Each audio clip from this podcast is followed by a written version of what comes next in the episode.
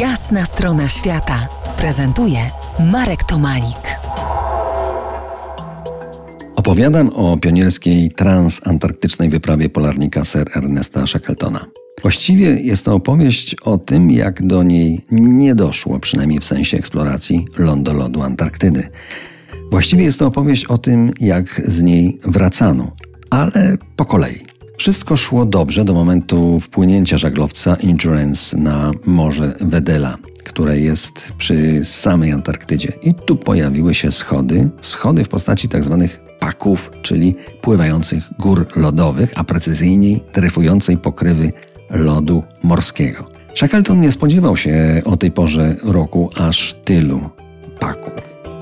Wpuścił więc żaglowiec w labirynt Kier, szukając możliwie najbezpieczniejszych kanałów, które doprowadziłyby go do lądu stałego Antarktydy. Takie manewry wydłużały czas wyprawy, a to działało na niekorzyść, wydawać by się mogło, dobrze zaplanowanej wyprawy.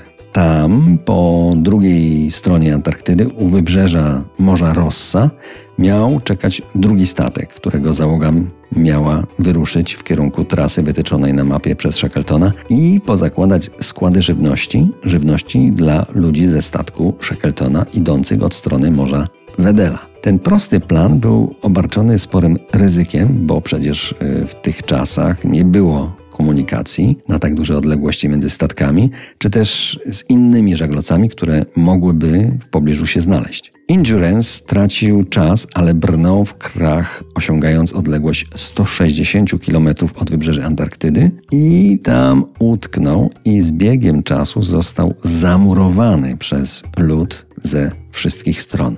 Załoga chciała przezimować, czyli przeczekać kilka miesięcy, ale ambitny plan, ten plan, okazał się niemożliwy do realizacji, bowiem narastający lód systematycznie niszczył statek, aż po kilku miesiącach zmiażdżył go i zatopił. Zanim to nastąpiło, Shackletonowi udało się przekonać ludzi, aby zamiast paniki i autodestrukcji wdrożyli plan ocalenia. I tu zaczyna się prawdziwa walka o życie, w której Sir Ernest okazał się najlepszym dowódcą, jakiego widział świat. Z tonącego statku udało się uratować trzy szalupy ratunkowe, psy zaprzęgowe i spory zapas żywności.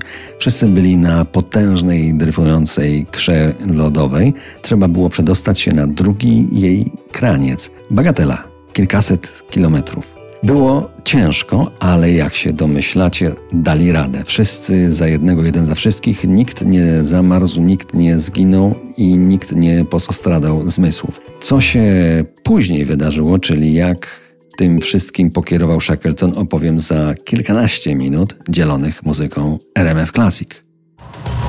To jest jasna strona świata w RMF Classic.